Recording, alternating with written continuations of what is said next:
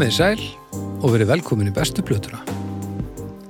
Ég heiti Baldur Ragnarsson, ég tek upp bestu plötuna og ég tek upp alls konar reyndar er innan hljóðkirkjunar. Uh, hjá mér eru þeir menn, þeir ætla að tala um músík, uh, svona þeir eru búinu með kremkeksi sitt, það er að segja.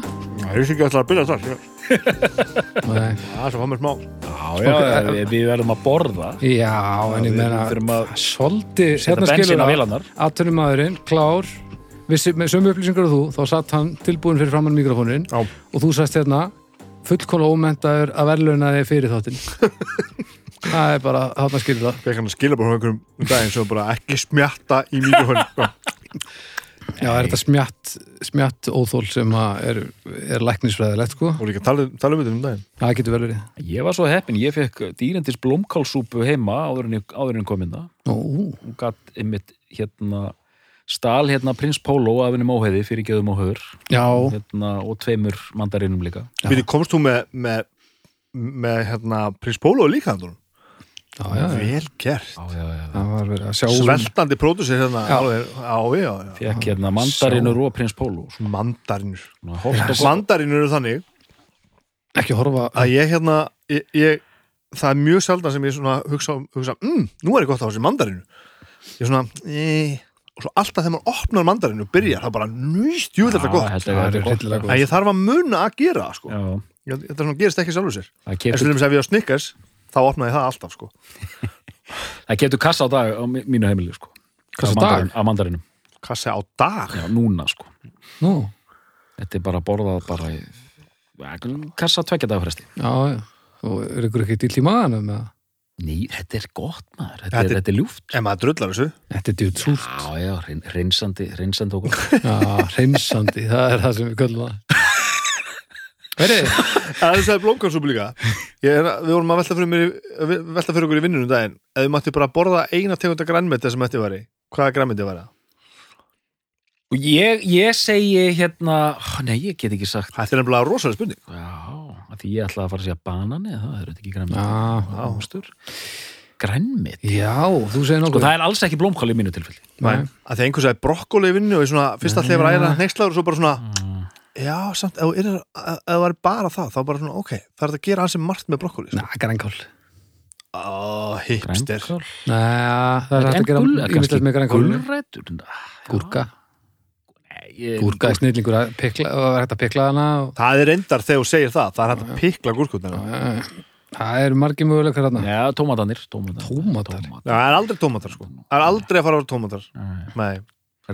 Nei, nei, Það er ekki tómatar er tómatar eru alveg glórulega matur, alveg. Já, ég- Mér finnst vont að borða tómat sem tómat sko. ég, Hann þarf að vera einhverju öðru. Hann þarf að vera búið að verka hann, sko. Ég vil einmitt bara frekar að sé tómatur þá. Af því að ef hann er ykkur öðru þá er þetta annað, þá er það tómatur. Af því að allt sem að tómatur er í verður bara tómatur. En rétt að svara þess að paprika bara svo að sjá hreinu, Paprika, alltaf paprika. Er þetta eitthvað bilað? Paprika er besta græmið í heiminum. Bara taka eina svona græna svona í nefan borða hana frábært. Já, fyrst en ekki síðast skipti sem snæpinn hefur ránt fyrir sér í þessum þetta uh, paprika, hliðstaflust græmið hliðstaflust Ok, Og glúrið. Doktor. Mm. Þetta, þetta doktor Hefur þetta einhverja merkingu? Doktor. Því, já, Já, hva, hvað þýðir doktor? er þetta eitthvað, eitthvað sem þú hefur gert í útlöndum? Já, já, ég náði mér í doktorsnabót við Edinborgar háskóla. Þetta er hérna, þetta er tengt með einhverju mentunur ekki? Jú, jú, jú, maður þarf að sitja já, skóla bekk, hann nú kannski ekki að segja það. Satt, á, satt í skólastól Já, við borð, já, tók þátt í svona hérna, umræðum. Já. Og skrifaði smá. Skrifaðu, Já, smakkaður að haggis? Þú varst úti? Spa- haggis reglulega. Góða matur haggis, Já, bara frábært. Og hérna þegar hérna Hogmanay eh, hérna gengur í garð hann í Skotlandi þá fyllast búðunar af sko uh, vegetarian haggis og haggis. Já, já, en haggisið er svo flott þetta er svona eins og livrarpilsa en svona með kryddaðri já, já, svona kryddari, já. mikið krydda og bara rosa gott sko Náttúrulega lausar í sig líka sko. já, já, svona Þetta er náttúrulega bara eins og livrapilsa sem einhver netti að búa til nákvæmlega ég meina- Livrapilsa er náttúrulega bara e e eitthvað sem einhver hendi bara í, í, í maður svona þóri Í ég, já, ég maður þóri vel að segja þetta ég hef alltaf sagt að hakkið sér svona deluxe útgáfa af livrapilsu Það er þannig. Á þess að þurfa að tala niður livrapilsu, það er alltaf lagi En þú veist, en sko ég er, ég er doktor en, en í háskólanum er ég aðjúnt þannig að ég er bara neðstur í stegana þar sko. já, já, já, Og- en þú veist, síðan ætla ég að verða prófessor sko. ok. Þetta er doktorprófessor sko. aðjú það það er, það er plum aðjúnt hljóma svo vel en svo að vera aðmiral Nei, nei. aðjúnt hljómar svona eins og eitthvað sem var svo aðmiral Nei, aðjúnt hljómar eins og upplýsingar um kottaðin aðjúnt hann er svona aðjúnt aðeins og svona gott fyrir hálsinn. Mér finnst aðjúnt miklu meira töff heldur en dósent eða lektor. Lektor er gott. Já. lektor geti til dæmis verið vélmenni úr einhverju 80s svona löggumynd. Dósent líka. Dósent líka. Dósent og, og, og lektor. Dósent.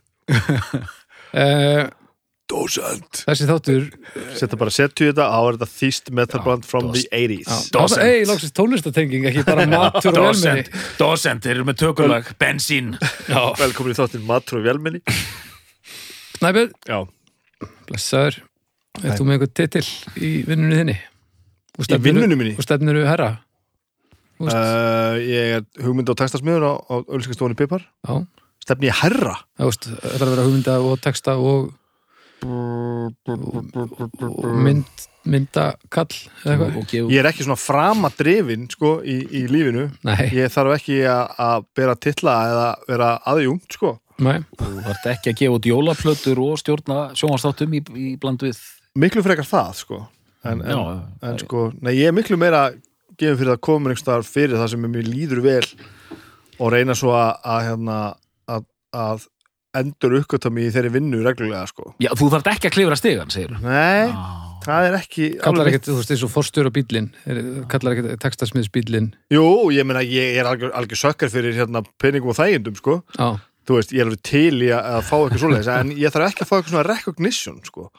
Ok ég þarf ekki að vera eitthvað svona hérna, já, hérna við erum að bera þetta undir bibba nei, ég þarf ekki að vera sákuður sko. mm. en, ah, en, latur já, ég er alltaf bara fó, fó sko, alveg, og, og, og bara hérna já, sérhlífin og, og, og dólkslegur sko. En ég, ég held ég geri nú sæmilega vel það sem ég geri sko. það er svona það sem ég ég hef metna fyrir því að gera vel það sem ég geri Skila góðu verki Já, mér finnst það mjög gaman. Þetta er að skila góðu verki. Það er eitthvað mjög gefandi við að gera það, sko. Í hvað er þessi þáttur eiginlega að breytast? Einmitt, já er- Hvað er að gerast hérna? Erum við á teinunum? Já, já, já, já, þetta er ég myndi segja að við verum vel á tennunum en við ætlum að tala aðeins hérna um hljóðkirkjuna. Uh, Við ætlum að renni gegnum, gegnum vikuna. Já. uh, Á mánudum, veit þið hvað, hvað gerist á Já, mánudum? dómstafur. Dómstafur En þá á þriðutum Kokkalokka í erun. Kokkaflakki eirun Já, en á, en á miðugudum, Dóttor Já, á miðugudögum Draugafortjar. Snæpur Þá er hann að byttu miðugudögum Draugar fortiðar Negla. Á fimmtudum, Er á fimmtudögum kemur þáttur sem heitir Snæbjörn talaði fólk. Hann er nefnilega með það sko. Og í þeim þáttum þá tala Snæbjörn við fólk. Það er rétt. Og, og, og Heru, Þá kemur alveg ótrúlegur þáttur maður. Heitir hérna besta platan. Já. Besta platan græmið til vélminnin. Skemmtilegi fýrar þar. Og skemmtilegi annað þáttur á líka. Nei, hættu nú alveg. En þátturinn heitir einmitt Nei, hættu nú alveg. Já, hérna Þetta er rosalegt maður Þetta er gott. Vik eftir viku, svona er þetta Líkur söfnuður, sko. þetta er svakalegt Herðu, svo erum við með styrtaræðala Já, við erum með samstarfsaðila. Samstarfsaðala Ja, það er bara sama. Já, já, Það er það sko. já, já. Það er plötubúðin.is. Já, Uh, stórkostlegt, stórkostlegt batteri. já, ótrúlega ó, svona hendut og fallegt batteri Já. sérstaklega eins og, og, og, og þetta er allt saman stað núna að geta, geta panta sér vínilplötur heima hjá sér Já, og gestildiska, en, Já, en og helst, náttúrulega. helst vínplötur. já, já. og bæði nýtt og, og notað sko og alltaf hrúastinn titlar í hverju einstu viku þannig að þetta er gríðarlega fallegt Já, og líka bara hérna, eitt sem að veist, mjög gaman að sjá það að hérna að nýtt kemur mjög hratt Já. að maður þarf ekki, þú veist, ef maður veit að eitthvað er að fara að koma út sko, maður, Já, já. ef maður vil fá þetta 1, 2 og 3 þá þarf maður ekki endilega að panta þetta utan að því að það getur vel verið að það sé bara fljótleira að fá þetta bara frá flutubúðinni sem er mjög hressandi sko. Já. svo það nýja hérna er Life Maiden platan, hún var komin bara í sölu bara á no time sko. Já. og eitt sé ég mig í körfunni í mig bútt Já. ég verð að fara að klára þessa körfu sko. Þung? Nýja Ílsplatan, já, djöfullin góðum já, komin í. Já hillilega flott, allt gott við þetta. Íls, okkur minn maður, mistur í alveg að já, gera það gott. Já, glæsilegur. Ekki panta öll eintöki samt, ég þarf að fá þetta. Já. ég fer á, Game 1 Þetta ekki með þetta í körunni? jú ég tíma þetta allt í korfunni svolviti, ekki gera það, pantið þetta. Já, sendingakostnaðurinn frýr hérna, þið, að, þið farið og pikkið þetta upp á, á völdum stöðum í borginni. Þetta skýrir sér alltaf plötubúðum.is Já. og við verðum vendilega hvetið ykkur til þess að- fara og nota afsláttakóðan, besta platan þegar þið skráðu ykkur út, þá fáið þið afslátt af, af, hérna, af, af því sem er að kaupa mhm, og það kemur okkur vel ef þið notið kóðan þá þá sjá samstagsæðalunar að við erum að, að skila viðskiptum þangað uh, og viðskiptasambandi gengur farsarlega allir græða, þið fáið plötur við fáum uh, við fáum uh, Vínil í grötin það byrja ára ykkur Já. takk fyrir. Já, takk fyrir þetta kærlega. Þá komum við að því að, að tala hans mér um mat. Já, gera það. ef, ef matur væri tónlist sem sagt. Mhm. Já, Við skulum- já, akkurat. Við ætlum að tala um músík. Þið eru komin hingað til að ræða bestu plötu í Nínu Simón já, Nína Simón Það, er dálaglegt verkefni. Já, Já. Nú þarf að gera æbrók það er karakter, skulum segja. Já, já, ég já, maður, maður er bara maður er kvumsa, sko. Já, Einmitt, nú myndi ég einmitt draga upp herra Google ég, sem er besti vinnur okkar. Ég ætla hérna að nú ætla ég að leggja til ég er nú svona almennt á móti þessari romantik sem við erum búin að mynda með ykkur. Nú. ja, þannig, þú veist, verður ekki einhverjar á móti. Og en í þetta skipti þá vil ég að þið hérna leiði hvort annan í gegnum gegnum þetta mál já, já, Ok. já. og með mikill ánægju sko. og, Og- og, romantík er mjög góð og ég held að það veri ljómandi gott að kæmi bara nokkuð fljótlega fram hvað þú ert með Sko, besta platan sem ég tefli hérna fram er þessi hér. Þetta er platan frá 1965 sem heitir Pastel Blues mm og, og þetta er sem sagt Nína Simón. Uh, við erum að tala um hérna mjög sérstætt verkefni í svona í sögulegu samingi bestu plötunar. Uh, við erum að tala um listakonu sem að syngur meiri hlutan eftir aðra tök, sennilega bara tökulaga listamaður mm. saman á því, setja, að halda svona halda svona þá skilgreiningu. Þetta er miklu meira standardlög og, og eitthvað sem, svona, sem hún er að ákveða að syngja og aðrir eru að ákveða að syngja og hitt og þetta. Já, þetta er svona, auðvitað hún samdi hún gerir það, þetta og þú veist píanó, snillingur og það allt sko. En þú veist þessi ferill er svo ótrúlega margbrotin að e, já ég myndi aldrei ganga svo langt að segja hún væri fyrst og fremst túlkandi en svona bara svona tónlistamæður sko en, en jú, hérna einhver stað skulum við byrja. Mm og þetta eru þessar, þessar plötur hennar einmitt eru bara með já, bæði standörtum og lög eftir aðra og svo framvegi sko. En eitthvað samtum líka sko. Það Já. sem að sko þetta er svo mikið verk sko. Uh, Nína Simón hún er, hún er búin að vera mér, hjá mér lengi sko mm. hún er svona uh, það er best að við segjum þetta bara strax það er alltaf einhver, einhver sturlun sem fylgir henni sko Mm. -hmm. og það hendar um, áhuga sam, sama einstaklingur mér mjög vel Mm. að það er eitthvað sko það er eitthvað alveg galið sem fylgir henni og svona óstjórnlegt og ofbóðslegt í bland við náttúrulega einhvern sturlaðan talent sko já, já, bara eitthvað svona, og hún er bara ein, ein, ein magnaðasta magnaðasti performer bara allar tíma sko.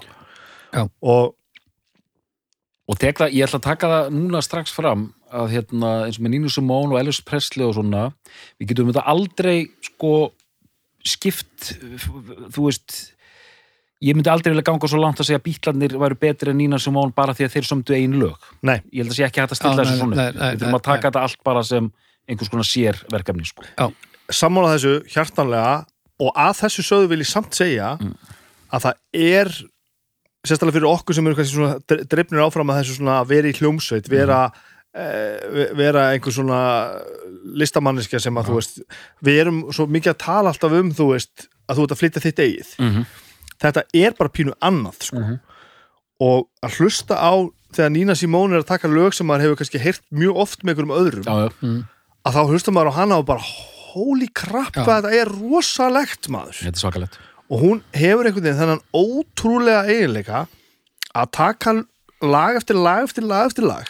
Og ekki, við erum ekki að tala um þetta eðlilegan fjölda lögum sem hún í gegnum. Og hún syngur þetta og spilar þetta. Að manni vir- virðið sko fullkomlega hérna, átakalust en lögin verða allt öðruvísi á henni heldur en á öllum öðrum og maður trúir öllu sem hún segir. Öllum orðunum sem einhver annar samti og aðrir eru búin að syngja. Og hún segir þetta og, og, þá, það er eins og hún sé alltaf að segja manni í gegnum orð annara eitthvað frá sjálfur sér. Þetta er ótrúleg þetta er ótrúleg liskan að geta gert þetta sko. Allt rétt. Fætt 1933 í Norður Karolínu mm.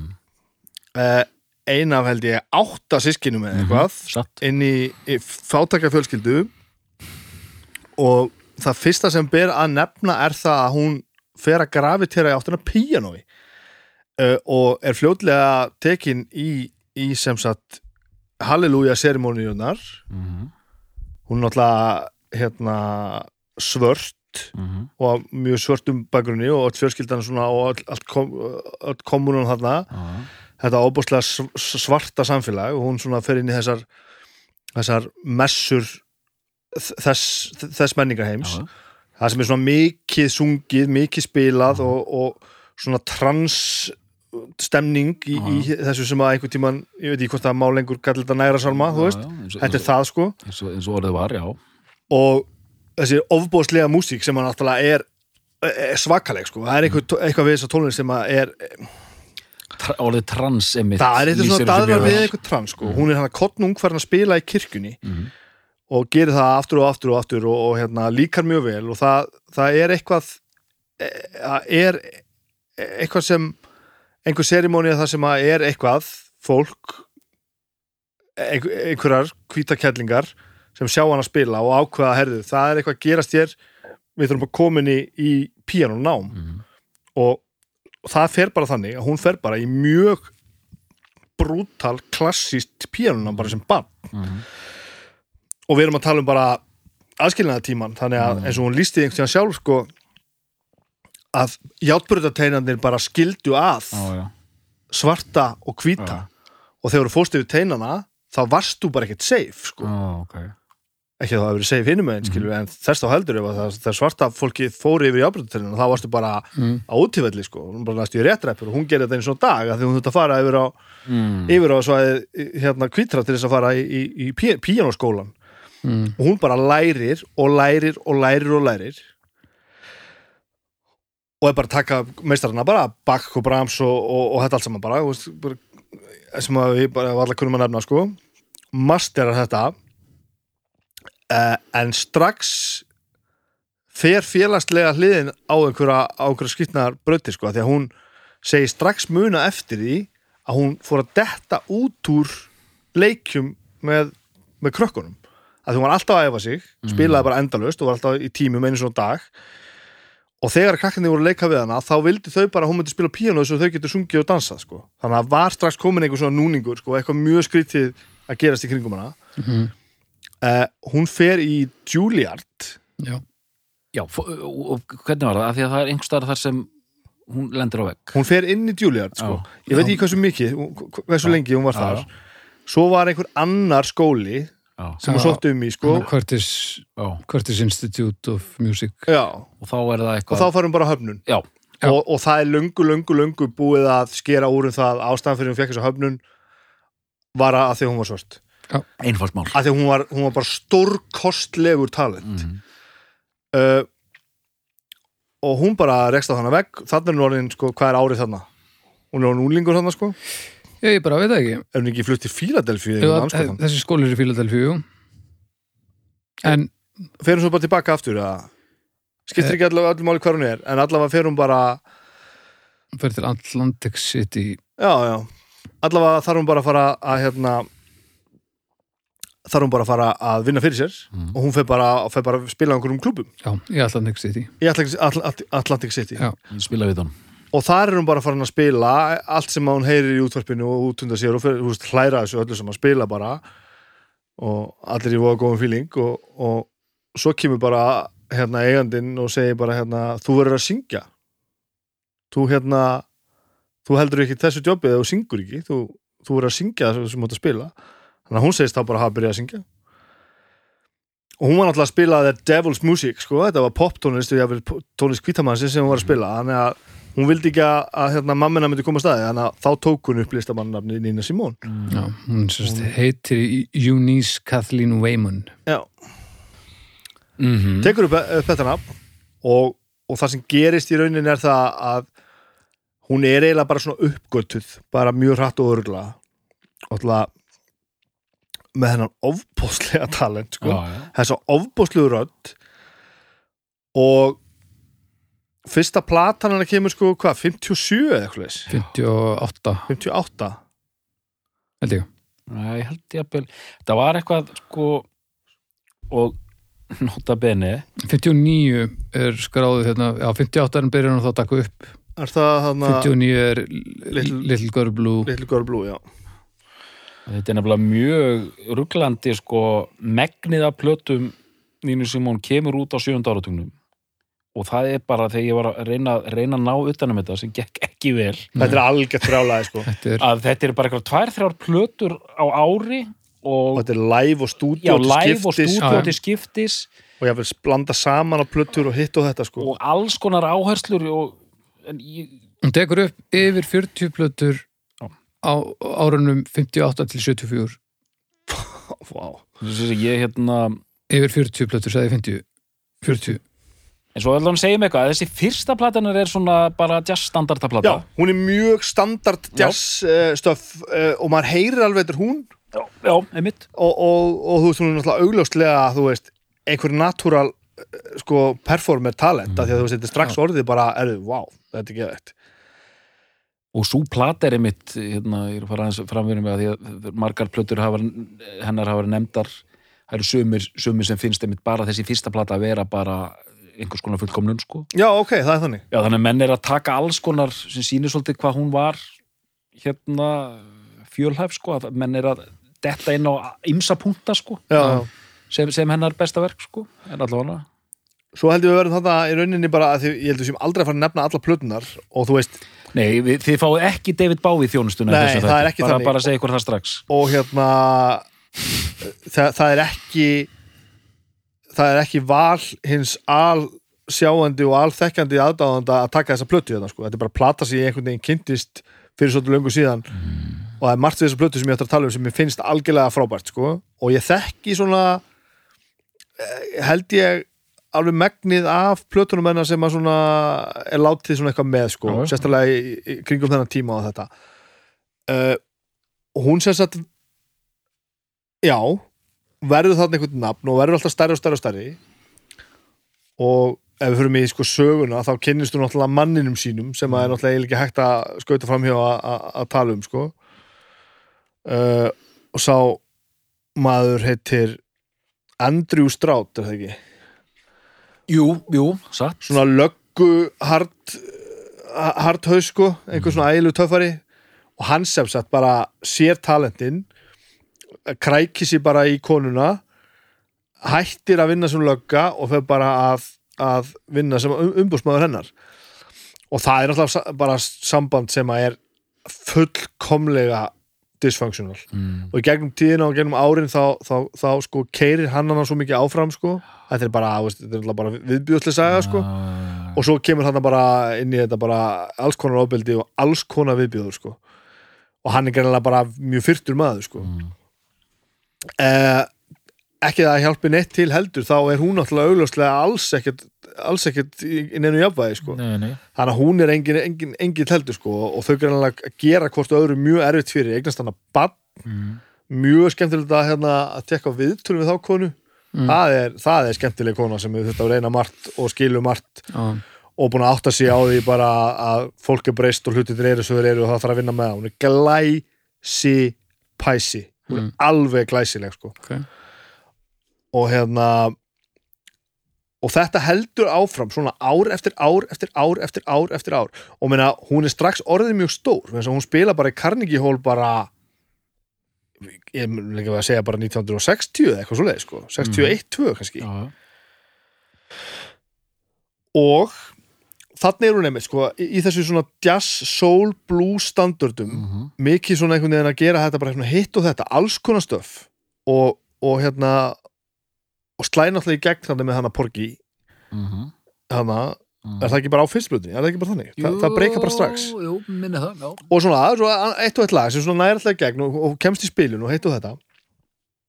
Og hún er þessi þessi li, listakona í svona einhver hvað er að segja s- sjö, átta ári eða eitthvað. Já, já. og svo svona mid-60s, rétt áður en þetta hérna gerist sem ég er að halda á hérna Já, já. Pastel Blues þá verður hún ofbóðslegur aktivisti Já.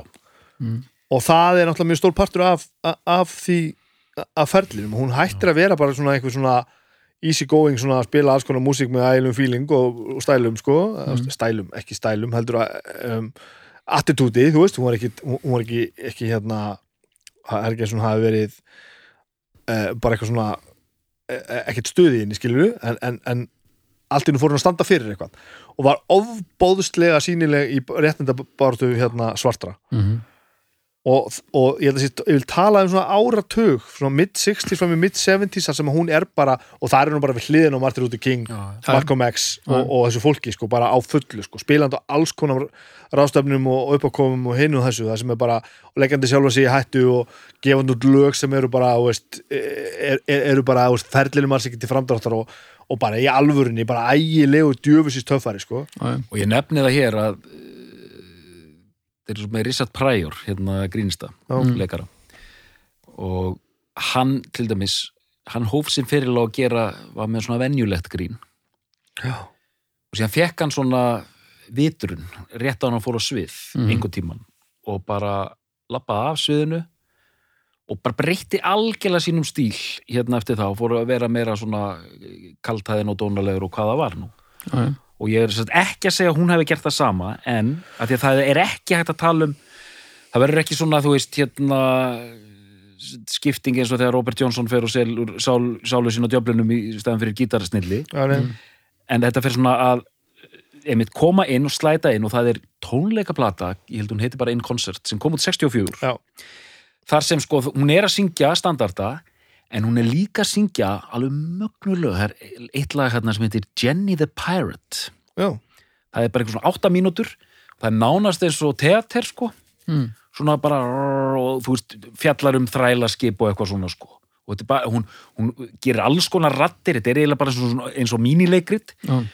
og ég var bara undirbúningi fyrir þáttinn og rendi maður nokkrum plötum og þetta bara, þetta var rosalegt að heyra þetta sko, hvað bara svo ég bara komið skýrt dæmum bara performancein, hvernig hún liðis inn í þetta. Mm. Lí, en gerir þetta svo auðvelt líka sko. Það er svona trikkið við hana, sko. gegn heilt sko.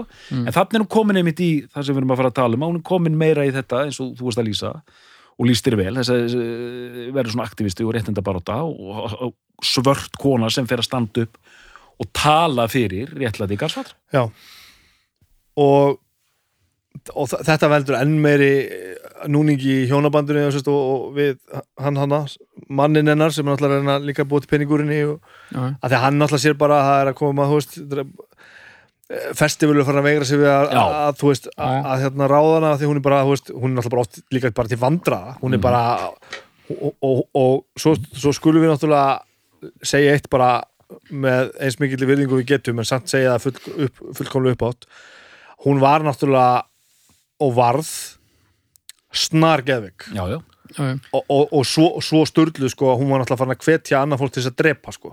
Já, já. hún var bara på sviði að segja bara farið, farið þið bara að dreppið þann sem á það skilið. Já, ég man ekki hver það var sem að hún hitti í réttindabaratunni og hún, fyrsta sem hún sagði bara við Martin Luther King var held ég að hún triði ekki á mótmæli á Nobildis hún sagði I'm not all nice held ég hún hafi sagt. Aha. Ég held að að það er eitthvað svona e e eitthvað sem er búið að sagt, kvóta í hana mjög oft og hún hafi gengið beint upp á hún og sagt bara já, ég er ekki bara nice eða eitthvað slis I'm not non-violent. I'm not, non-violent. I'm not non-violent, já, segir hún, alveg rétt. Sem er alveg bara svona og, og hann tók einmitt undir það sko, sagði bara hey sister you don't have to be. Þannig að hún, hún trúði bara á að gera þetta alla leið af því að það þyrfti bara að laga þetta. Mm. Og greindist, heitir, og greindist bipolar senna já, svo gerist það miklu senna sko, og, Mm. og náttúrulega mikið búið að vera að ve- veltaði fyrir sér sko í hvaða röð þetta gerist, af því að þú veist já, hún er náttúrulega augljóslega stórslis bara á leiðinni sko, Mhm. það, hún er Já. bara á leiðinni á Ísekan sko Já. í mörg ár já, og auðvitað komum við þá aftur og aftur að þessu það er náttúrulega það sem gerir þetta svo stórkostlegt sko. hún er einhver ótrúlega blanda af náttúrulegum talent mm. virtuósa í gegnum brjálaðislega ræfingar Mm. mhm, og svo með þennan ævintýralega X-faktor sem er bara einhver, einhver hugsunagangur sem að engin áheldi að þurfa að fara í gegnum sko. Nei. af því að henni líður náttúrulega bara ekkert vel og hún, er, hún sér heiminn bara ekki eins og við hún er Nei. bara ekkert, svo ég noti innan allra gæðsalapa í lægi Mm. Og það gerir þetta náttúrulega svo óbúslistan að horfa hann á tónleikustundum maður er bara, hvað, hvað hvað er hún að hugsa? Þetta er svakalegt sko. Og En hæfi ja, þeir eru náttúrulega ekki eðlilegi sko. Þegar hún er að spila á píanóið og hún horfir aldrei á hljómborðið að spila og að því, að því við þekkjum nú aðeins til pabbi var náttúrulega var, var klassíku píanóleikari. Mhm, þá heyrir maður sko klassísku notkununa onni jazzin sko. Mm. Hún er ofta að spila bara svona svona fúkufíling sko og, og svona það sem hún er svona le, leiða svo melli parta sko og maður allir bara hva, hva, af hverju gerður þetta og hvernig og af hverju horfður ekki á það sem varst já að og gera svo er þetta ekkert planað endilega Nei, Þetta bara er- svona gerist sko. Mm. svo slæðir hún feilnótur og þær eru bara þær eru bara frábær Já, já. af því að það er bara, að það sem hún gerir er bara þannig að þetta, það skiptir engu máli sko um, á, eh, þessi plata náði mér á sín tíma fyrir nokkuð hluta, hluta sakið sem ég get talað um núna en hérna platar á undan þessari er hérna I put a spell on, Já. spell on you þannig að ef að fólk þekkir til dæmis ekki þessa plötu þá, Mhm. þá, þá, það er sami hljóð heimurinn að mörguleiti sko Mhm. og e, ég fíla svo mikið þetta upphaf hennar að aktivismannum Mhm. Þar sem hún er ekki farin all in orðin alveg kolbrjáluð sem er líka heillandi, ekki miskil mig það er plötur mm. æðislega margar sko. En þar sem hún er bara hún er bara að hugsa eitthvað aðeins um þetta sumlögin eru, eru svolítið þrungin af þessu en önnur eru bara hún að syngja þannig að hún meini það sko. Mhm. og eins og I put a spell on you sem alltaf, veist, alveg ástæð fyrir að það lag er vinsalt með henni sko. Að, að þú veist, það er það attitút sem ég er að meina sko. Uh, að þeim, þeim, þeim plötum hefur bara fundist þessi plata. Mhm. og ég fara svo ónið að hvernig mér finnst þú svona frábær? Endilega. Það, það eru sko, samdöðan er mjög skemmtilegt. Það er hérna Hvernig? um, það er það er uh, og ég held að það sé ekki hægt að feika þetta. Uh, þetta gerist á þessum tíma það sem að vera að gera plötu eftir plötu eftir plötu eftir plötu eftir plötu. Þetta er ekki sami fílingurinn og við sjáum fyrir okkur að gera plötu. Mm.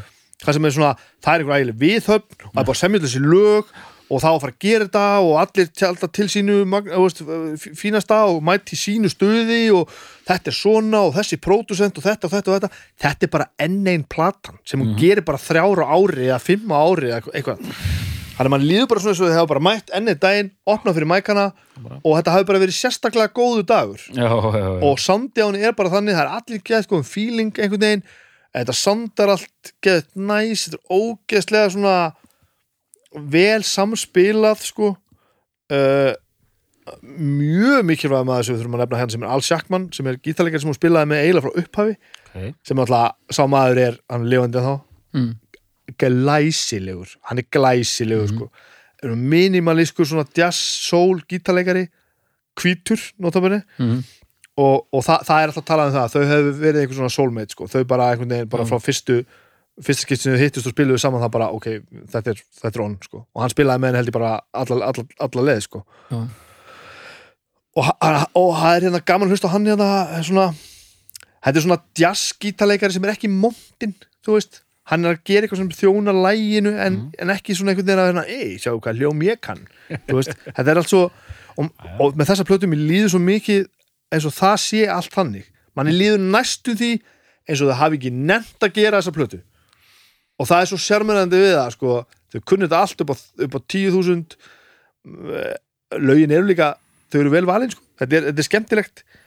Uh, Nobody Knows When You're Down and Out sem er náttúrulega sem að þú veist sem að Clapton tók til dæmis svona standard, ógeðslega skemmtilegt Mhm. og hundra manns hafa tekið sko.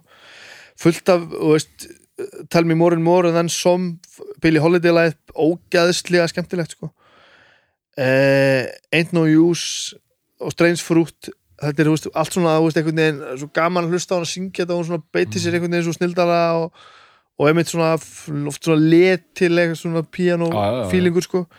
En það sem að gerir þessa plötu fyrir mig er tvent sko. Uh, og það kemur náttúrulega pervertinum í mér sko. Okay. uh, annars vegar er þetta náttúrulega þetta ótrúlega uppáfslag sem er bara svona það er bara svona um, spiritual svona sálmafílingur í því sem heitir Be My Husband sem er ótrúlega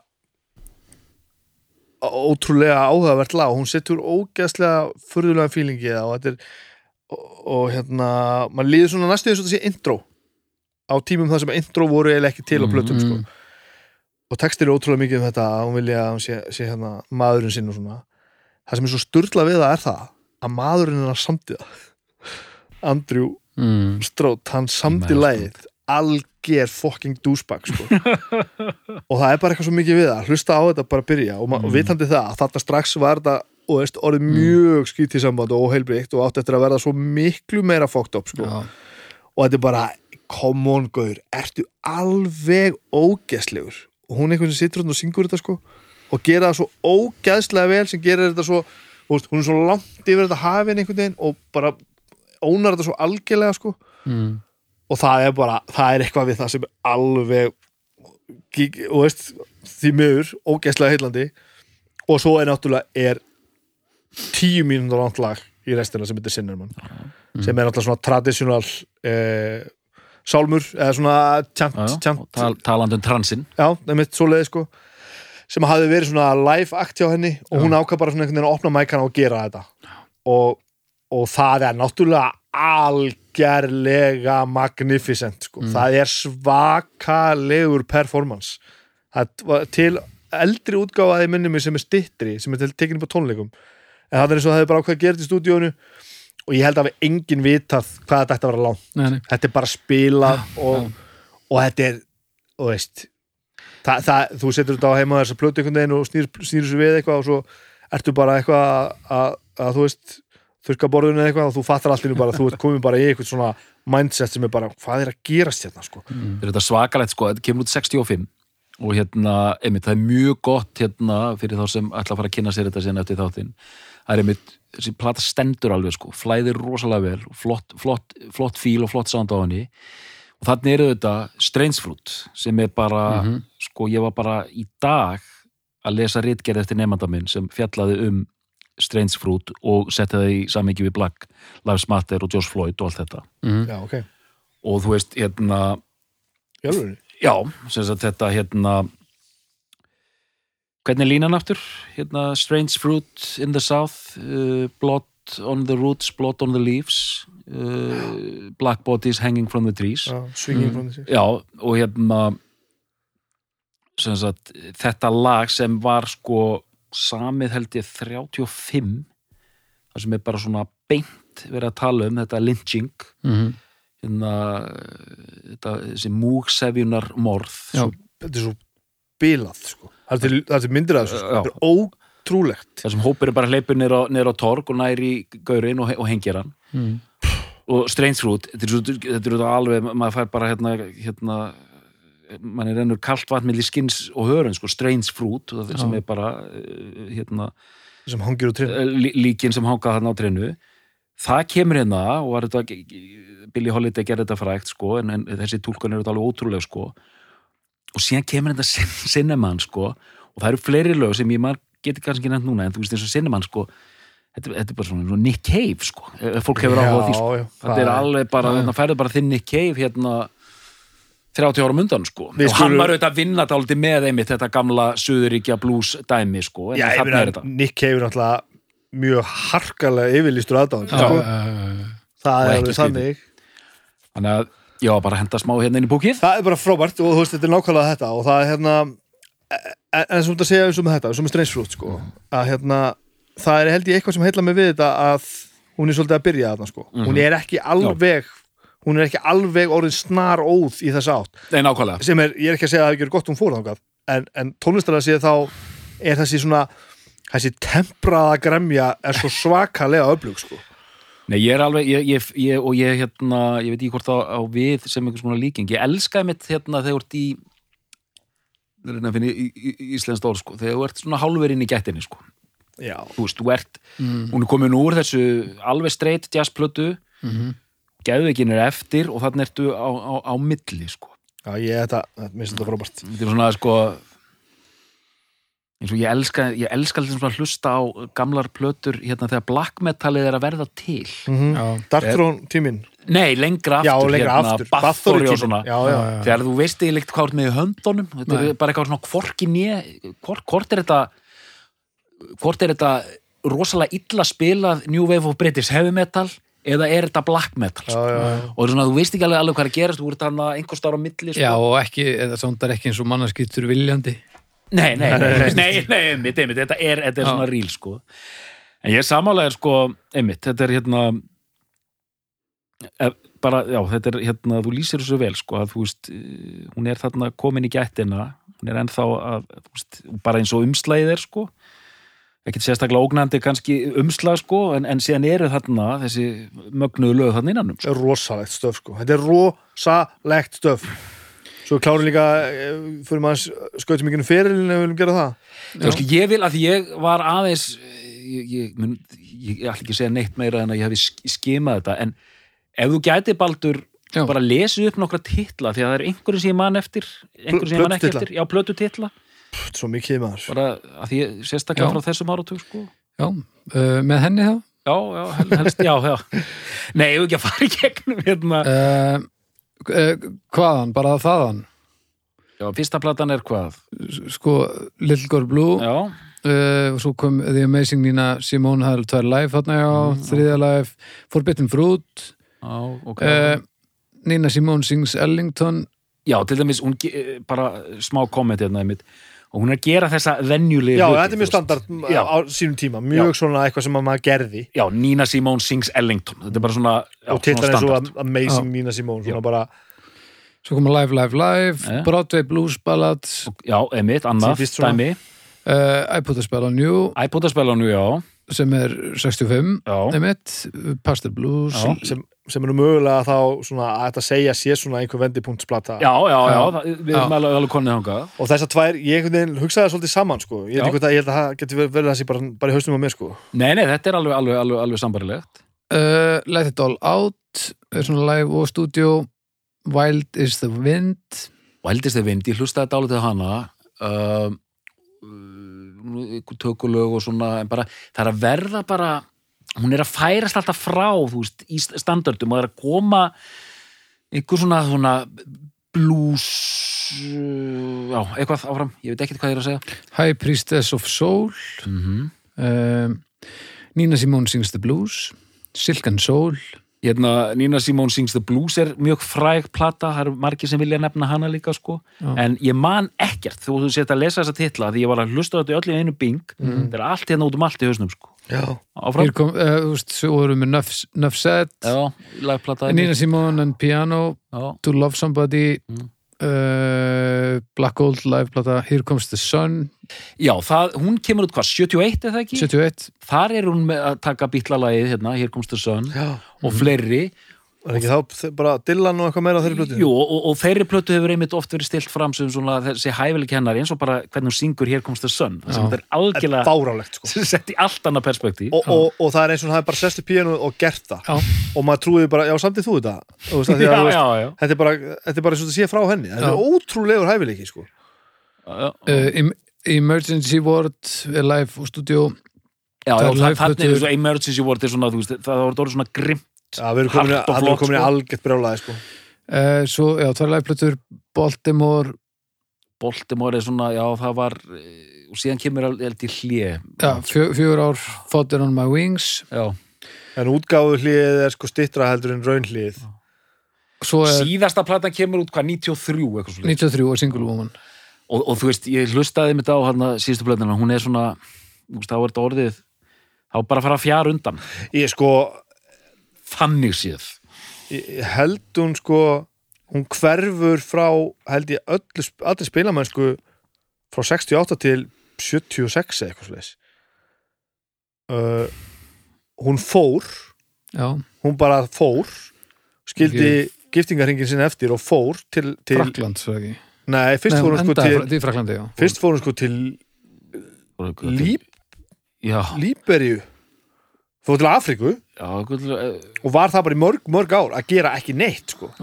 Og það er alltaf bara allt í skrúuna þú veist, auðvitað alltaf var gaurinn fokking fáiði en hann held svo öllu saman og alltaf enda bara með því hún skuldaði ævintýralega skatta og var ekki búin að vinna neitt og var náttúrulega, þú veist, bara ekkert heil. En sa- sa- sagði það alltaf að sér að þarna hefði alltaf liðið lið best sko. Mm. svo kemst hún bara að því að hún er bara alveg komin út í, út í hot og þarf að fara að vinna. Og þá flytur hún til Sviss held ég. Já, Já, Fyrir- bara Sviss Já, hún Já, var í byrjaði þar en svo fór til var Fraklands í Líberíu, Barbados og Sviss Líberíu, Sviss Barbados og endaði svo í endaði svo í Fraklands París bara. og hérna fer að spila það og það er, það er ekki kræsilegt sko, af því að hún bara þar er hún bara á hún ég svo sem veit ekki þetta með peningastöðun á henni þannig en, en hún allavega gæti ekki hugsað um sig sko. það er alltaf, og dóttir hennar er einhvern veginn bara elst það bara upp og endar hjá pappa, pappa sínum sko. mm. Eh, hún var alltaf búin að eh, þú veist, fara illa með dóttur sína þetta bara, hún var bara orðin algjörlega og hún var alltaf orðin alveg svakalega dindótt sko já, fólki sem var búin að þekka henni í mörg ár Já. fann bara þetta vestnaði og vestnaði og vestnaði og allt í henni var hann bara orðin alveg gjössamlega bara óalandi, gætt bara skipt um gýr bara Mm. ve- verið eh, hérna verið andans hugljúfi eina sekundin og svo bara hann alveg gjössamlega brjáluð þá næstu sko já, þannig í París hún líka bara drakk svo djúðulega sko. það er setna sko, en þetta er strax orðið þarna og þegar hún er hann held ég sviss þá er einhver sem er tengist henni einhver gammal vinnur eitthvað sem að kemur henni undir bara læknisendur sko, mm. og Mm. þeir hann að fara saman mhm, einhverjir sem gera það og hún er sem sett fyrir rest á lif og það segja allir það gerði rosalega mikið gott sko. Hjálpaði henni mjög mikið en það sem hjálpaði ekki var það og þau vissu það læknandir, þetta var svona eitthvað svona tiltrúna nýtt lif en þau, þau vissu það að hérna líkamlega, líkamlega hliðina á þetta að vissna sko. það er bara þannig. Þið getið basically valið vilja að þið líða aðeins betur í haustum já, já, og, og þetta eftir að draga af þig líkamlega eða viltu bara takast við hitt og halda áfram að geta spila svona óbúslega vel á piano og það var basically þannig að þú veist að, að lifinu voru látin virka sko. Og það segja að margir að það hefði gert það að verkum að hún, hún gætt gert eitthvað eitthvað áfram. En hún spilaði sko bara und, allalega undir aldamót. Já, já. það er til upptökur að hún spila og orðin vel þétt og augljóslega fjarræn sko. Já, já. og, og þú veist búin að missa ansi margt. En einhvern veginn með svo rosalega presens að ma, ma, þetta var svona ekki þetta varð aldrei svona skelfilega sorglegt sko magnað sko hérna nefni hérna já, já, hérna það er þetta til heimildamyndum hana sem, hérna, sem ég sá fyrir eða allt og löngu síðan að því mann lítið eftir henni hérna, What Happened Miss Mrs. Simone. Simone já, ég, ég horfði á hann í dag já, og hérna aftur sko, ég var búin að sjá hana vel gerð hún er frábær mjög flott. hún er líka bara hún er líka bara eh, einn og hálfu tími Já. bara svona no bullshit. Já, og dóttir hennar kemur mjög skemmtilega það, inn í þá mynd mjög svona, segir skemmtilega frá þar. Ég man líka eftir þessari sögu sem þeir eru að, er að segja af hennu Warren Ellis og Nick Cave, munið eftir því? Já, ég maður það mjög vel. Í, tvo- í, í 20,000 Days on Earth. Já, hérna, hvað, ok, hvað sagði hann hérna? Heyrðu að Þetta er á festivali sem Cave var að spila á 1999 held ég. Þetta er góð Mm. saga. Uh, sem ég man ekki lengur hvað heitir. Það festival. Uh, ég þarf ekki að segja svo, þú mátt segja það vel Já, já, því ég bara, ég bara, það var eitthvað þannig að hún svona er hann að baksið svona grimmúðleg. Þeir hérna tveir, sko Nick Cave og Warren Ellis, eins og litli smástrákar sko, skítrættir. Og hún segir eitthvað þess að og þeir segja eitthvað, hey, Nína Simón Dr. Simón og segja bara, já, já og bara, og, má, má bjóða ykkur eitthvað? Já, ég vil fá kampavín og kókain og eitthvað. Og sagar er þess að svo að, hérna að það er eitthvað prómótur sem er hann að þeir, þeir horfa á þetta að gera sko. sem fer eitthvað til henn og bara eitthvað, hva- hvernig hérna, hvernig hefur það? Bara að, byrjar hún eitthvað alveg, alveg rugluð sko. Bara something I can get you. I want some champagne some cocaine and some sausages. Jú, er þetta hart maður, þetta er grjótart. kókain og pilsur. Oh! og þeim máttu göð svo vel fara út og gera það. Þetta með Dr. Simone var hérna að hún óskaði eftir Nick Cave. Að hann kæmi inn í dressingrúmið hjá sér. Og hann náttúrulega bara er svo lítill strákar til mynda af Nick Cave og henni saman hann hann er með svona eitthvað svona 90s gleru svona freka þunn. Og hún er bara í framann og er náttúrulega fullorinn og, og, og, þú veist, þjætt og svona einhvern veginn eins og hún var sko. Og hann er bara svona skæri brosað einhvern veginn og bara veit ekki hvað það á að vera einhvern veginn. Og hún sem sagt að hann, hann er bara að spila það sko. Já, og hún sem sagt segir við hann sko bara I want you to introduce me. Ah, og hann bara já ok, ekkert mál bara, and I want you to introduce me as Dr. Nina Simone og enginn veit einhvern veginn. Þessi mynd, já, sjá þetta, þetta er ekki eðlega mynd. Þetta er svo ógeðslega fyndi ljósmynd. Hann er hann er eins og hans í ljótu hálfutunum á svona mynd. Þetta er svo fyndin hún mynd er sko. alveg hún er grjótara alveg hún er- hún er ekki að grínast. Og og, og þe- það, það, það, Við þurfum að byrta þessa mynd þegar við setjum þetta þáttinn inn. Er geðveik mynd sko. og það er hérna, það er líka saga sem þið segja af henni, að ég hef Cave segja. Ég held að, ég manni hvort það er þessari mynd. Jú, er líka að svo stígur hún fram á sviðið og allir byrja að klappa og hún alltaf bara svona, svona viti hvað hún er þetta er mörg svona myndskeið af henni hún spilaði á frönsku festivali, jazzfestivali held ég þegar hún kom tilbaka þarna 1976 og það er svona eitt af þessum myndskeiðum að sem hún kemur fram á sviðið og bara svona allir bara að klappa og hún bara svona Mm. horfið bara svona eins og ma mann líkur bara við og hún bara veit ekki hvar, Já. halda að hún veit ekki hvað hún er sko. Mhm. Og þá hún átti eitthvað svona moment á þessu, þessu festivali sem hún spilaði á þarna 99 sem hún kemur bara fram og allir byrja að klappa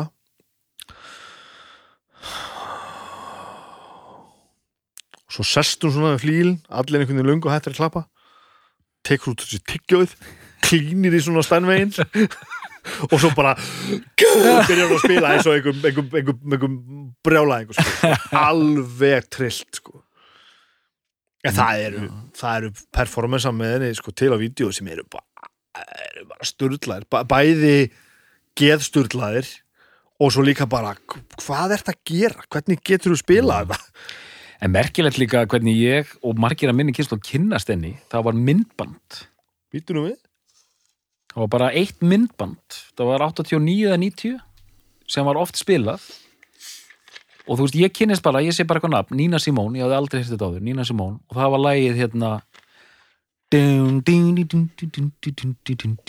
My baby just cares for me. Ég veit ekki hvort það var sko eitthvað auðlýsingartengt eða eitthvað.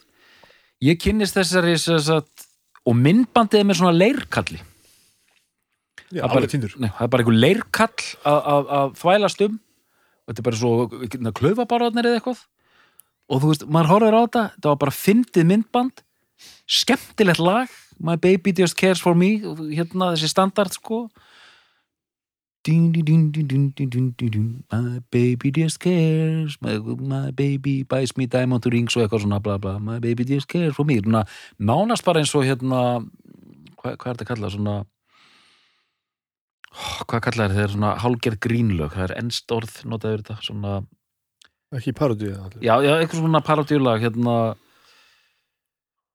bara, bara eins og þegar einmitt, bara eins og þegar Latti gefur út eitthvað flipplag eða eitthvað líka, Já, sko. já. Það var, þetta var bara algjörlega þannig lag sko. og, hérna, og, og myndband einhvern veginn stundi við þetta Já, já. Áhugavert. og þetta var bara eins og eitthvað svona one hit wonder sko. maður vissi ekkert meira, þetta var bara spilað skemmtilegt, og ekkert En- andlit, þú veist, hún sást Eh, ekkert hún og- sást ekkert sko þannig að maður bara kynntist þessu sem já, ég, ég myndi bara til nafninu, læginu sem var skemmtilegt og sem myndbandi og það síðan bara þurfti líða mörg ár þannig að maður svona gatt einhvern veginn græðast fyrir þetta ég ólst ekki upp á þannig heimilega að það væri jazzplötur eða klassiska plötur eða neitt þannig ég sko. kynntist þessu einhvern veginn bara ég, ég bara ég bara man ekki að hverju ég kynntist þessu ég allir þetta hafi ekki verið einhverju svona, ég eitthvað að reyna, reyna að þykjast fyrir hann að finna eitthvað annað heldur en tónlistina sem ég var alltaf að hlusta á. Þú veist að ég gæti alltaf hlusta á eitthvað sem ég heit jazz að ég skildi þetta bara ekki. Mhm. og svo bara, þú veist, eldist maður aðeins og vera að pæla bara ok, það hlýtur að vera eitthvað í þessu, það er alltaf margir að hlusta, ég hlýtur að vera vandamáli sko. ég ætla að finna eitthvað, veist, eitthvað að þessu þá sem að er svona meira svona svona, ef að segja out there og, og, og svolítið brjálað. Og þá, þá kemur hún strax upp sko, og það er bara maður þarf ekki að hlusta lengi til að fatta það bara holy shit sko. Nei, nei, maður, nei, nei, maður, maður heyrir það alveg greinilega og hérna. En síðan er þetta ég var að reyna að hugsa upp eitthvað, eitthvað sniðu til að segja sko, að hérna veist, ég, ég þekki hennar veist, ég þekki hennar feril ekkert, ekkert ofbáslega vel, ég veit hver hún er, ég veit hennar sögu, veit hvað hún kemur og í hvað ramma þetta er allt saman en ég hlusta sérstaklega mikið. Nei, ég, veist, ég þekki ekki fyrirlinn inn og út sko. og síðan er bara, þú veist, hún er kona ég lust ekki mikið á hvernig tónlist bara út af mínu umhverju og uppeldi og öllu því sem við höfum farið í gegnum margóft í þessu þáttum, mm það er ástæðan. Svarta tónlist lusta ég heldur ekki mikið á það er bara þannig. Og ég hlóm eins og ég sem einhver afstöðu gegn þessu þetta er lýsing, gott fólk. Og síðan sko, ég skal taka hins vegar harða afstöðu með þessu síðast blues tónlist, það er eitthvað sem ég finnst ekki skemmtilegt. Nei, nei, en hún er auðvitað í blues, jazz og hún er auðvitað að gera allan fjandan Ei, það er ekki hægt að setja hana Nei. það er ekki hægt að setja hana inn í kassa sko. Þetta er til dæmis ekki bluesplata þó hún heiti Pastel Blues það er rosa einfaldi útgáfa að segja að þetta sé blues. Já, og höfum það á hreinu sko. Og hérna já, að ég ætla að hérna, dæma þessi síðust orð mín döð og ómerk sko. Að því hún er auðvitað að pota í blues en hérna en svona blues yfir höfuð svona ég er ekki að dansa þar sko. En hún Nei. er auðvitað í líka leður þú komin í skítugan blues sko, þá er ég game sko Já, leður já. komin í eitthvað rátt eitthvað, eitthvað óurlegt, eitthvað sem hérna það glefsar í þig sko það er náttúrulega partur af því sem að heilla mig við hana hún er náttúrulega, þú veist, hún er stór hættuleg Já. þetta er stór hættuleg já, sko. já, já. og, og veist, hún, hún er bara í alveg hættuleg þú bara, ég, maður vissi, bara stundum ekkert þegar maður horfa hana, bara hvað maður hefur hana sko. Svo sáum að vin okkar hann að Nick Cave sem, sem misti kúlið gjörsanlega ljósmynd. gjössamlega út, út á söðu sko. það er til performancer af henni sérstaklega hún er að koma tilbaka hana in the 70s sko, mm. sem hún er bara, þú veist Mhm. hún er bara stór skrítin sko, og bara, hvað er þetta að gera sko? Hvað, er þetta að segja við fólk sko? svo hitt hún Bávi líka Já, ok. og hann dröslar henni hittir hana og eftir eitthvað gig og hann fær hann fyrir að koma að borðið og fær númerið á henni og þannig er hún bara í, í skattavesinu öllu Já. saman og tómi tjóni. Já, hann ringir í hana bara daglega í mánuð. Bara segir henni að hún sé ekki hún, er- þú ert ekki klikkuð þú veist, við, bara, þú ert ekki klikkuð. Og hún talaði um að hann hefði svona hægt og bítandi bara náð að, að draga hana svona ítinni í róleiturum aftur að píanónu bara með því að stappa hennar stálinu. Það ég man eftir að viðtölum við hana sem hún sagðist hata píanóið. Já. Hún gat ekki hugsa sér að setjast í píanó. Hún var búin að vinna svo mikið, sko. Já. Hún bara fyrirleit það að spila píanó og koma fram. Hún gjössamlega fyrirleit það með öllu sem hún átti til, sko. Báði misti ekki kúlið Hann, Cave. Hann gerði það nú aldrei. hún fær þumla upp frá honum.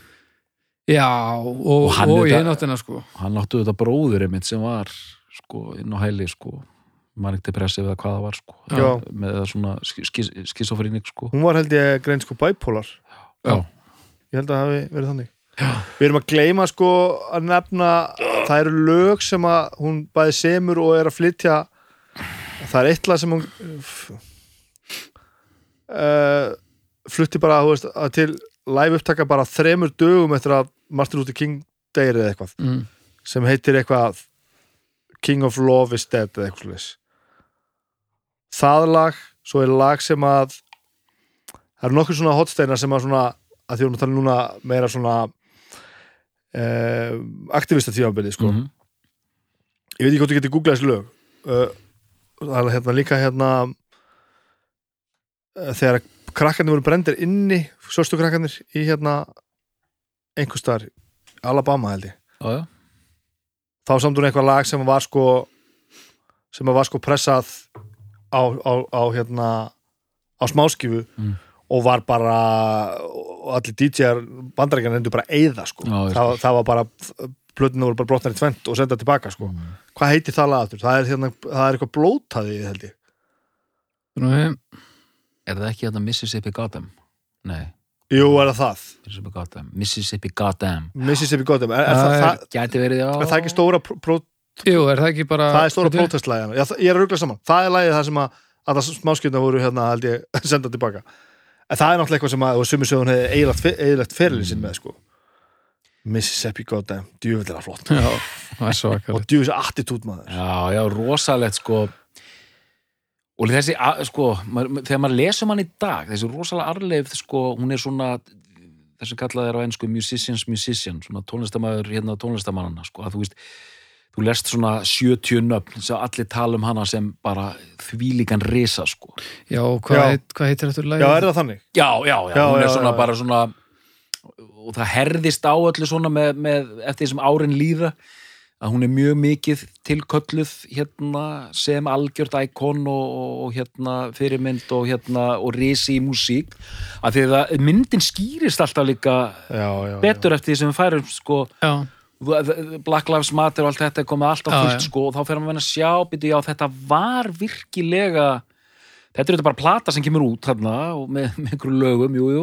En þú veist þetta, verð, þetta er eiginlega rosalegra sko þegar, þegar eftir því sem þá sér maður betur hvað þetta var Já. voru mikil tímamót sko.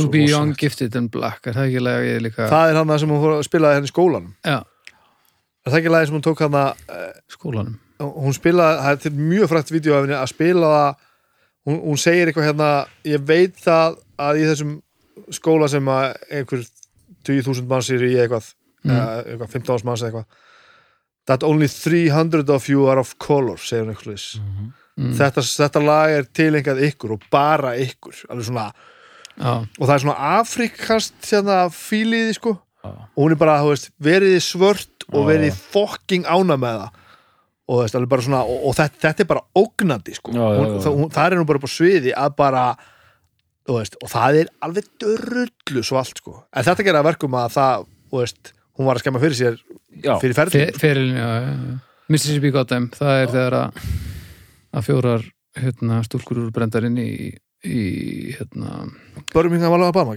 Birmingham, Alabama já. Já.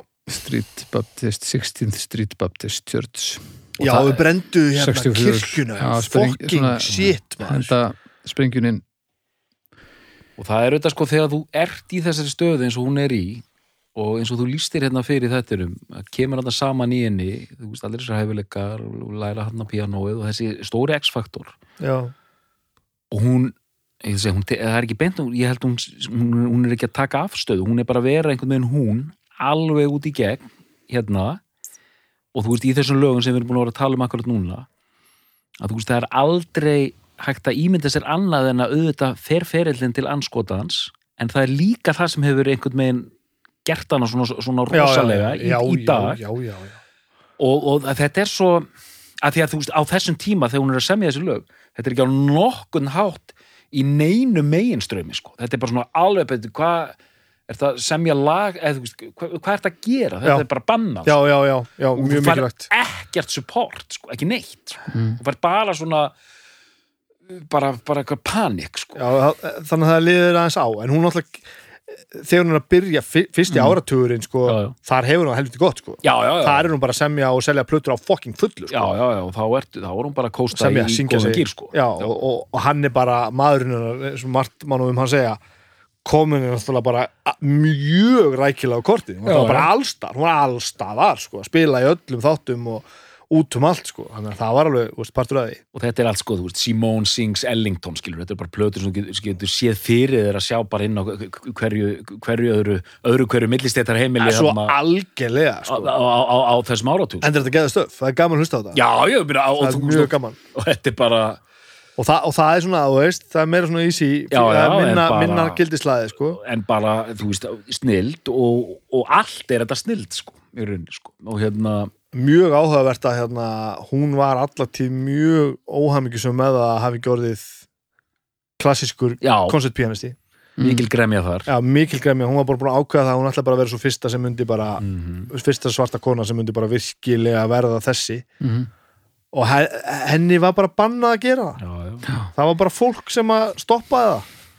Það er svo fókt upp sko. Já, já, hún átti aldrei breyk. Hún komst ekki, já, það var þetta með Curtis Institute of Music þar sem að hún held í alltaf fram að það voru bara þrýr sem voru fengu aðgang held ég af einhverjum 70 eitthvað. Hellingur liði. Uh, en hann grunaði alltaf að þetta væri uh, rassist sko. Og 2003 bara nokkru dögum áður en hún deyr þá nákvæmlega þessi skóli gaf Já. henni þá honorary degree. Þeir gengust við þessu og hún fekk hérna he heiðus Já. bara, vel gert, þú veist. Já svo, maður bara pældi hvað það verið frústranandi líf. Já, já, en ég veist hlaðin ég- ég- hæfileikum sem engin ég hef ekki séð neitt sem er þarna sko. og, svo, nei, nei, hátt, við skiljum þetta alltaf aldrei sko. Og það er allt gert til þess að komist ekki áfram Já, það er bara að reyna að þú skemma ættir að, að, fá þetta er svo niðurdrömmandi sko. það er til dæmis mjög súrt ég er nú ekki sérfræðingur í, í breytandabáratu svartra sko uh, það, en, en það er mjög súrt sem er mjög oft haldið á lofti að Martin Luther King sem var náttúrulega bara ráðin á dögum mm. hann var maðurinn sem var að reyna að segja svörstum Já. að það, það væri hægt að gera gott úr þessu Já. Þú veist, við þurfum að geta skili hvert annað sko, hann var 50-50 með Mhm. með okkur í liði sko, svo við setjum nú bara okkur í, undir hvita hattin sko. Já, ég, veist, og, með, og, og bara, æ, komur ekki drepa hann. Já, bara, já, já. hvað ó, við ekki svona ógisleir hálfvitar, djúvill er þetta aslanett maður. Þetta er rosalegt hérna, mæli bara með hérna hérna e, hvað heitir það hérna er heimildamind hérna The, the 13th eða eitthvað leika fjallar um fangilsis hérna systemið í bandaríkjun mm. nýlegt bara, bara nýlegt sko, kannski tveggjara gömul heimildamind hérna e, bara man ekki hvort það hétt the, the 13th eða eitthvað leika sko. Mm. uh, og vinnur okkar hérna, Stóri Sturluson hérna mælti með þessu. Og hann sagðist hafa hikað við það lengi og hann hefur sagt frá þessu ofinberlega á Facebook og hann, hikaði lengi við að horfa á þessa mynda því hann taldi það vera overfitt fyrir sig. Mm. og er síðan var hann var búið að mæla með þessu við mig af einhverju tvær, þrjá rattir og þá fer mann á stað þegar einhverju tveir, þrýr úr mismunandi átum segja mann að horfa á þetta. Og sem sagt, sem sé, ég man ekki titilinn, þetta fjalla bara nákvæmlega um hvernig fangelsiskerfið í bandaríkunum byggt upp.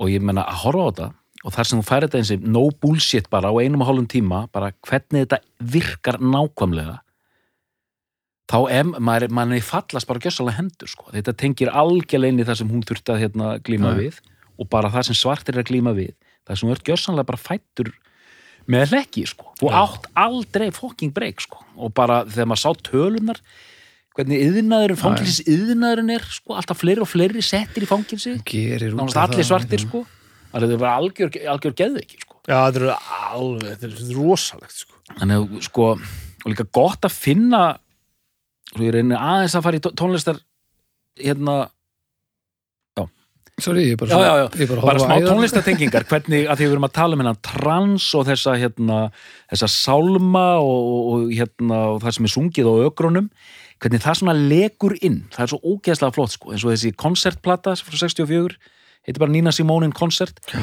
þetta Jenny the Pirate og einhver svona fleiri lög þar sem sko hún er að syngja standarda sem finnur þessa sögu þú finnur Já. þetta bara í því hvernig hún syngur sko. Og sársökin og sorgin og, og hún túlkar þetta svo ótrúlega flott sko. maður er bara svona þú er bara fullkomlega sóld sko, þegar þú heyrir þetta og hún er rosaleg sko maður líður eins og að skipti hana engum máli hvort það er tveir Já. að hlusta eða 20.000 Já. það er einhvern veginn bara þannig. hún er bara að flytja þetta og henni er dö- ör- ör- örrull henni er dörull Mhm. það er mjög það sem að mér þykir rosalega gott í sambandi við hana er það að maður þarf aldrei að segja eitthvað svona miða við þú veist, ef þú tekur Já, allt nei, í burtu kynþáttinn, kynið tíman stefnuna Mhm. uh, samfélagið, umfyllunarefnið hvað sem er, ef þú tekur bara hæfileikana og getuna, þá er hún best Mhm. hún er geðvik söngkona Já. Og geðviku píanústi Mhm. þetta eitt og sér er náttúrulega alls ekki nóg sko. það eru mjög margir sem eru þetta tvend Mhm. en það, það er ekki hún er svo skotheld á þennan máta sko. þú getur aldrei hort á hana og sagt bara veist, já, hún var bara á réttum stað og réttum tíma nei, hún var bara langt best í öllu sem hún var að gera svo bara ón á allt annað þá var hún með brjálæðislega svona karismatikal svona eitthvað svona eitthvað x-faktor, eitthvað svona geðviki og umfjöllunarefni og hitt og þetta sem bætist ón á allt hitt. En undir niðri bara svona raw talent og, og fleiri tugi þúsund klukkutíma af æfingu í að gera það sem átt að gera. Mm Mhm. píjónuleikari, þetta grínast hvað á góða þú veist, þetta er bara hún er bara, hún er þetta er skotheld, hún er skotheld hún er alveg geðveiku músikant og þessi rödd Mhm. Hvaðan kemur þetta, þetta raddsvið eiginlega? Mhm. maður heyrir að hún er kona. Mhm. en ef þú hugsa hvað hún er bara ba- hún er bara með sko hún- er örugglega bara talsveit mikið dýpra heldur en ég sko. Á þess að verða eitthvað svona rosalega eitthvað svona. Heldur bara svona fullkomlega eðlilega samt þetta kvenlega svona einhvern veginn svona sassy sá, já, sá, já, já oh shit sko. Og getur verið einmitt svona eins og, eins og, eins og sagt held ég hérna fyrir svona, svona getur verið svona letilegt sko einhvern veginn, en bara svona þegar maður að hlusta, þetta fyllti alveg upp í stofuna þegar ég var að taka Simón Snúning hérna á dögunum sko. Já. og bara, og það var, ég vissi út af því sem ég hef líst hérna, ég vissi að ég þyrfti að setja mig inn í hennan heim, ég vissi að ég þyrfti að hlusta og hlusta og hlusta og hlusta. Og þá er maður komin í grúfið sko og bara svona mm, ég, ætla ekki að segja orðið, ég ætla bara að lýsa þessu hljóði. Mm. Bara komin í svona, já. Og en eins og þessi segi sko, þú veist ég, ég náði engri beint neittni yfir sín sko, live-plötur og hérna alls konar plötur í ein, ein, ein, einu blandi sko, Mm. ég flakkaði á milli endalöst sko.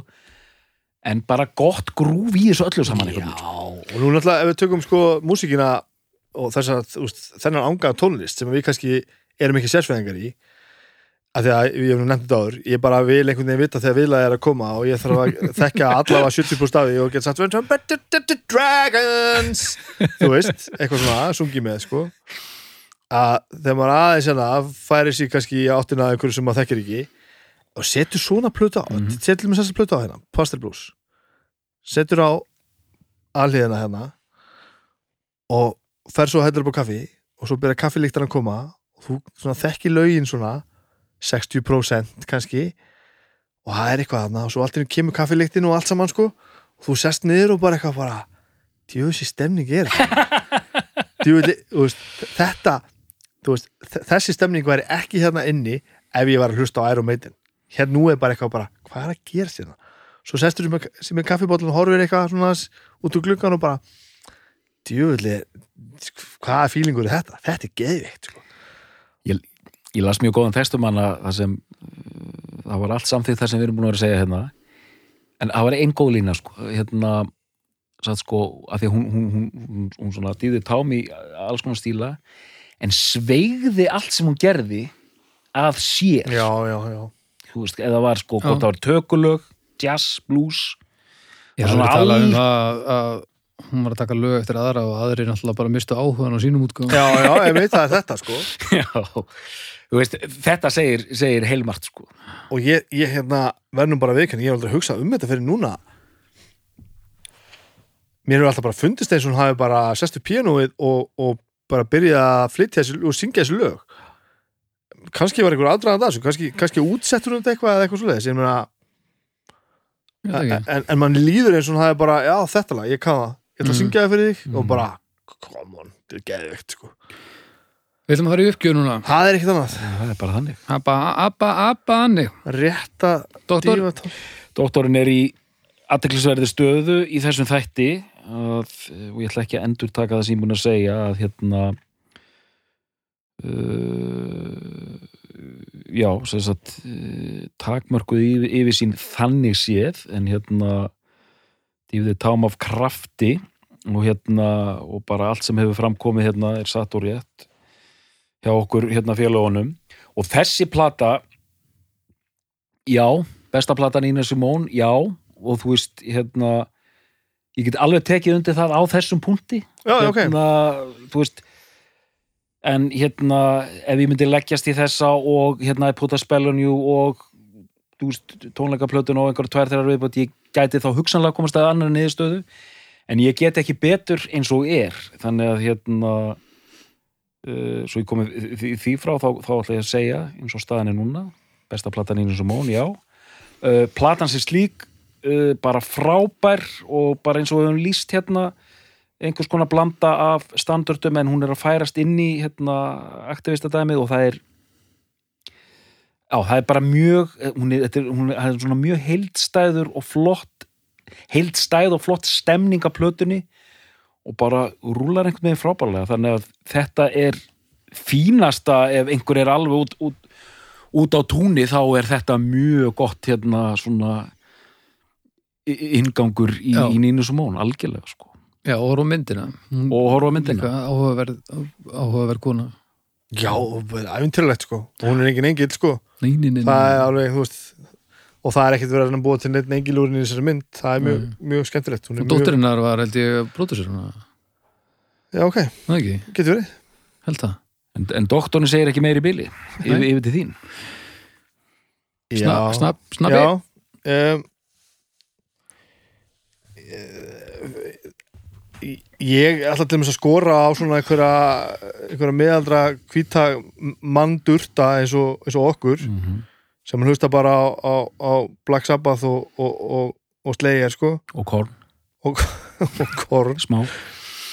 Og, Pearl Jam skilji að, hérna að tekka á þessu til dæmis og bara þessari plötu þú veist, Mhm. Mhm. við þurfum ekkert að skilja þetta allt en það er, það er mjög margt sem að við drullupöngarnir tengjum við þarna. Þetta er einhverju rjóthart og þetta er, þú veist þetta er svo mikið þú veist, er svo, henni er svo drullu sama um svo ótrúlega margt sko, og talentin er svo ævintýralegur. Þannig að þetta er ekki bara eitthvað svona, já, romantist eitthvað sögulegt þeng og mikilvægt í hérna tónlistasögunni og þetta heldur, þetta er líka bara, er djúfisist geðveika attitút er þetta maður, þetta er geðveikur performance. En auðvitað allt sem þú varst að segja á þann þú veist, við, við erum komin í sko áttunda veldi, með það sem voru að tala um með hól um daginn. Mhm. við föttuðum allt í mörgum ára setna bara, já, auðvitað við vorum vandamálið. Ekki hún, sko. Já, uh, og meðan Kortin Lóf vissi hvað hva var að gerast þá voru við bara eitthvað, já, hún er bara eitthvað, eitthvað hvert að væla. Skilur, þetta er það bara sinnum 10.000 skilur, þetta var bara að vera að hengja hennar fólk án dóms og laga og það var bara að vera að syngja um það sko. Mhm. og, og að synda móti æfitilunum ströymum og rífandi kæft og gera allt sem þetta gera í bland við yfir náttúrulegan talent sko. Mhm. uh, því miður er það þannig að þessi ég ætla bara að fá að kalla þetta geðviki þú veist ég veit ekki hvað ég á að kalla þetta hvort ég er á einhverjum, einhverjum hálum ís með að kalla þetta það en allt, allir þessir mannlegu brestir og allt þetta all, all þessi þetta sem maður upplifir sem eitthvað eit- einhver röskun það er ofbóðslega heillandi Mhm. og það er mjög margt í því sem að hún er að gera uh, sem maður upplifir sem slíkt Mm. hún sé bara einhvers þar aðeins til hliða við okkur, okkur hinn Mhm. líður bara að anskotan hafi það bara ekkert vel bæði persónulega í engalífinu og er líka bara í stóra saminginu hún er bara ekkert á, veist, þetta er bara ekki góðu stað til að vera á og það gerir þetta bara ennþá áhugaverðara og ennþá sannara og ennþá áhrifa meira því miður. Mhm. en fyrst þetta þurft að gerast þá er eins gott maður sitt í þá að njóti þess og beri fokking virðingu fyrir því sem maður var að gera þarna. Mhm. en hún Vel- bara ef, þið- ef, ef, vel sagt. Á, takk fyrir það, ef þú eru að pæla í að að þú veist, dífa tánni í eitthvað annað heldur en, heldur en gömlu kalla þungarokk þá bara tjekki á þessari þessari manneskunni rosaleg sko Það kom aldrei fram held ég hjá okkur en hún deyr sem sé í Fraklandi 2003, 2003, 21. apríl Mm. þá var hún 70 ára 70 gömul og öskuninnar er dreift í uh, nokkur lönd í Afriku Já Vissi ekki En, Snæbjörn Er þetta besta plata Nínu Simón? Já. Doktor, er þetta besta plata Nínu Simón? Já.